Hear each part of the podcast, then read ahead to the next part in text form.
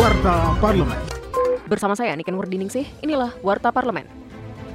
Menanggapi usulan Menteri Komunikasi dan Informatika yang akan memungut pajak dari aktivitas judi online, Wakil Ketua DPR RI, Lodwig F. Paulus, mengatakan judi online merupakan hal ilegal sehingga tidak tepat dikenakan pajak. Politisi fraksi Partai Golkar ini meminta Menkominfo untuk mempertimbangkan banyak hal atas usulan tersebut, khususnya terkait legalitas judi online di Indonesia. Pemerintah perlu mengatur kebijakan-kebijakan terkait yang harus dibereskan terlebih dahulu sebelum menerapkan usulan pajak judi online.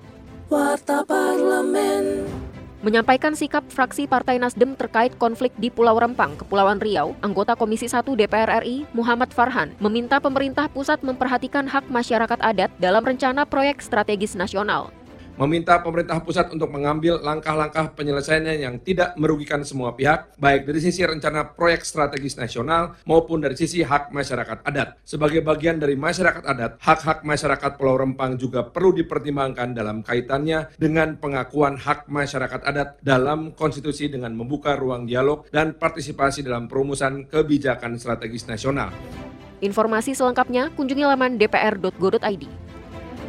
Anggota Komisi 8 DPR RI, John Kennedy Aziz, menyayangkan kebakaran di Gunung Bromo yang dipicu oleh percikan api dari flare yang digunakan pengunjung saat berfoto prewedding. Ia meminta Badan Nasional Penanggulangan Bencana untuk mengatasi kebakaran pada lahan 274 hektar tersebut. Legislator asal Dapil Sumatera Barat II ini meminta BNPB meningkatkan sosialisasi program pencegahan kebakaran kepada masyarakat. Hal tersebut agar masyarakat lebih berhati-hati dalam menggunakan pemantik api, khususnya di tempat-tempat yang rawan terbakar televisi radio parlemen.